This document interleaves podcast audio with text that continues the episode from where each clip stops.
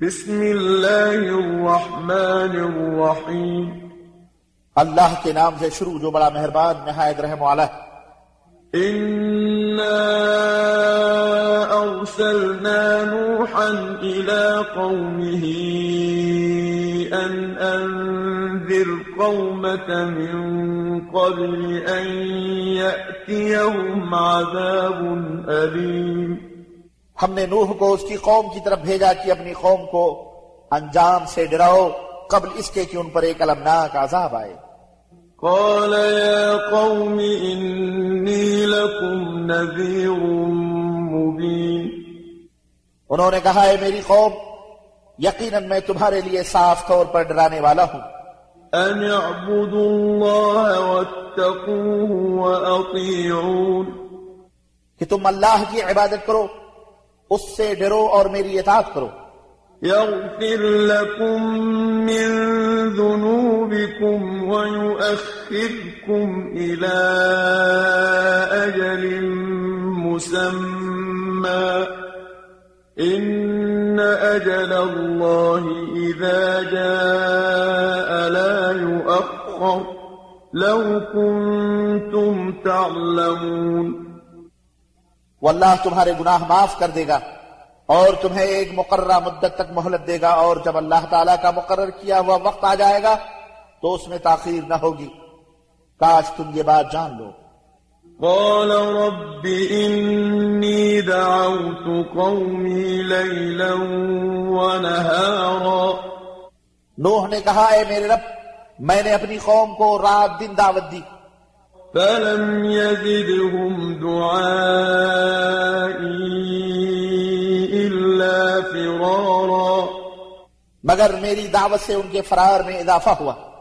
وإني كلما دعوتهم لتغفر لهم جعلوا أصابعهم في آذانهم جعلوا أصابعهم في آذانهم واستغشوا ثيابهم وأصروا واستكبروا استكبارا اور میں نے جب بھی انہیں بلایا تاکہ تو انہیں معاف کر دے تو انہوں نے اپنے کانوں میں انگلیاں ڈال لی اور اپنے کپڑے اپنے منہ پر اوڑھ لیے، اپنی روش پر اڑ گئے اور تکبر کی انتہا کر دی۔ ثم إني دعوتهم جهارا. پھر میں نے انہیں برملا دعوت دی۔ ثم إني أعلنت لهم وأسررت لهم إسرارا. پھر انہیں علانیہ بھی سمجھایا اور چپکے چپکے۔ فقلت استغفروا ربكم إنه كان غفارا۔ اور کہا کہ اپنے رب سے معافی مانگ لو بلا شبہ وہ بڑا معاف کرنے والا۔ ہے يرسل السماء عليكم مدرارا۔ تم پر آسمان سے خوب بارشیں برسائے گا۔ ويمددكم بأموال وبنين ويجعل لكم جنات ويجعل لكم أنهارا اور تمہاری مال اور اولاد سے مدد کرے گا تمہارے لیے باغ پیدا کرے گا اور تمہارے لیے نہریں جاری فرما دے گا۔ ما لكم لا ترجون لله وقارا تمہیں کیا ہو گیا ہے کہ تم اللہ کے وقار کی توقع نہیں رکھتے؟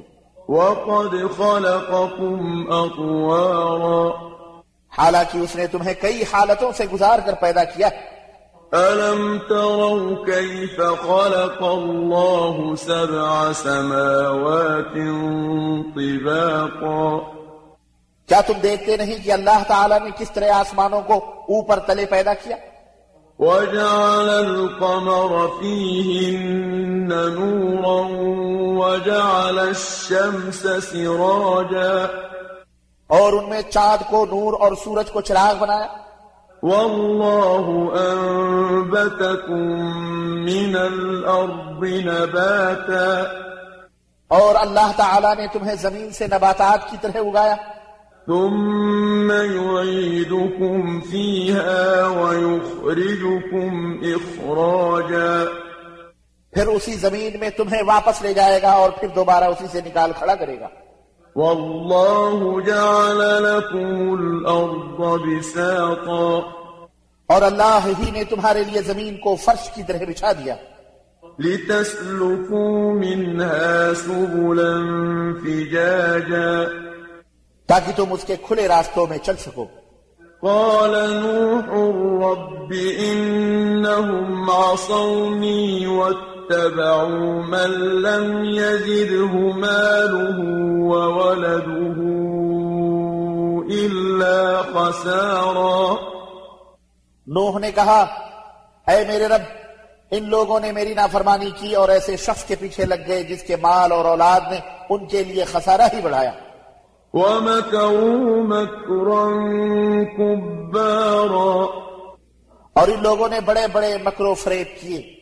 وقالوا لا تذرن آلهتكم ولا تذرن ودا ولا سواعا ولا يغوث ويعوق ونسرا. اور یہ لوگ کہنے لگے کہ اپنے الہوں کو کبھی نہ چھوڑنا۔ نہ ود کو چھوڑنا نہ سعا کو چھوڑنا نہ یغوس کو نہ یعوق کو اور نہ نصر کو۔ وقد أضلوا كثيرا ولا تجد الظالمين إلا ضلالا اور انہوں نے بہت سے لوگوں کو گمراہ کر دیا ہے۔ تو اب تو بھی ان ظالموں کی گمراہی میں ہی اضافہ کر دے۔ مما خطيئاتهم أغرقوا فأدخلوا نارا فلم يجدوا لهم من دون الله أنصارا. چنانچہ وہ اپنے گناہوں کی پاداش میں غرق کر دیے گئے اور جہنم میں داخل کر دیے گئے۔ پھر انہوں نے اپنے لیے اللہ سے بچانے والا کوئی مددگار نہ پایا۔ وقال نوح رب لا تذر على الأرض من الكافرين ديارا اور نوح نے کہا اے میرے رب کافروں میں سے کوئی بھی اس زمین